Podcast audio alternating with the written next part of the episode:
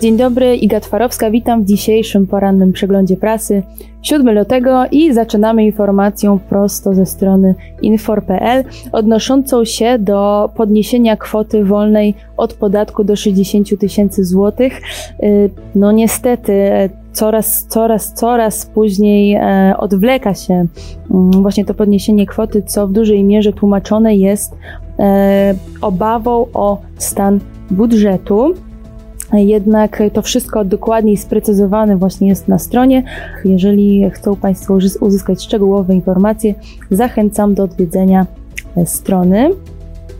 Portal Inforlex o e, badaniu work-life balance, które coraz bardziej popularne w naszym środowisku staje się z dnia na dzień. Mm, otóż aż 57% badanych e, osób przyznało się do tego, że jeżeli ryzyko, pojawiłoby się w pracy ryzyko zachwiania tego work-life balance, to od razu odrzuciliby oni ofertę pracy.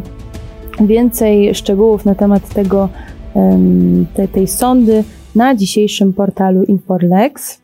E, dziennik Gazeta Prawna o rewolucjach w kwestii możliwości wyborów. E, chodzi tutaj o głosowanie w sieci i o tym, że będzie ono odbywało się za pomocą systemów bankowości elektronicznej.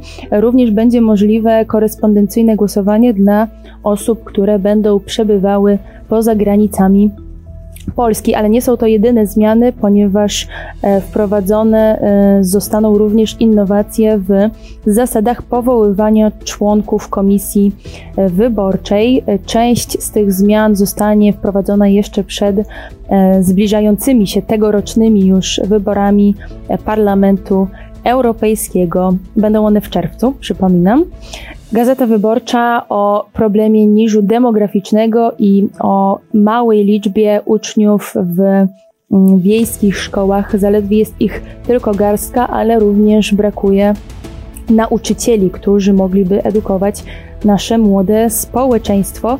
E, jednak Karolina Słowik w tym wszystkim podkreśla, że należy dostrzec potencjał i nadać małym szkołom ekonomiczny sens, a idzie za tym. Yy, zmiana funkcji szkoły na funkcję bardziej społeczną, gdzie, gdzie mogłaby szkoła stać się również centrum społeczno-kulturalnym dla całej lokalnej społeczności, włączając w to dorosłych i seniorów.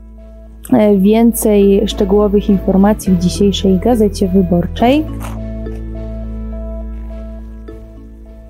Dzisiejszy puls biznesu o wywiadzie z Krzysztofem Gawkowskim, który przedstawia e, strategię cyfryzacji na bieżący e, rok. Prognozy na ten projekt przedstawiają się w taki oto sposób, że uczniowie klas czwartych nie dostaną laptopów, natomiast zostaną one przyznane uczniom z klasy Co więcej, będzie przekazany fundusz AI na e, reaktywację grupy GRAI, oraz na ostatnio powołany zespół do spraw sztucznej inteligencji, ale również ten fundusz będzie dotyczył rozwoju startupów, małych firm i nowych przedsiębiorstw. Więcej informacji mm, na ten temat w Pulsie Dnia.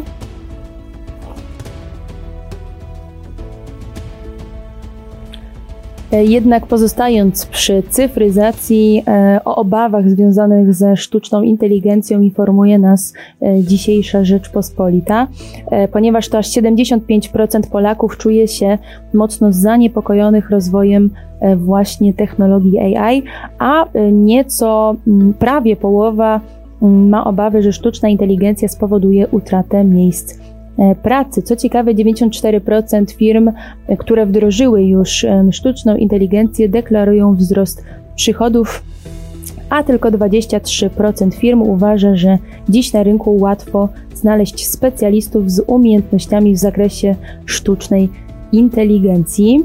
Mm, pozostawiając temat sztucznej inteligencji, a przechodząc do tematu oszustw e, ważna przestroga dla wszystkich osób, które mogą się pokusić o podanie najbliższym e, numeru Blik, e, bowiem jest to nowa metoda oszustwa. Jeżeli e, na co dzień posługujemy się skrzynką pocztową, mailową, SMS-em, należy uważać, aby naszym najbliższym takiego kodu Blik właśnie nie podać.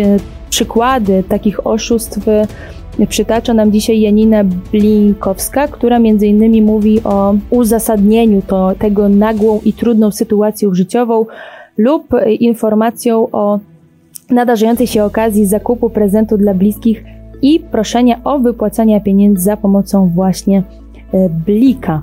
Więcej e, informacji na ten temat w dzisiejszej Rzeczpospolitej.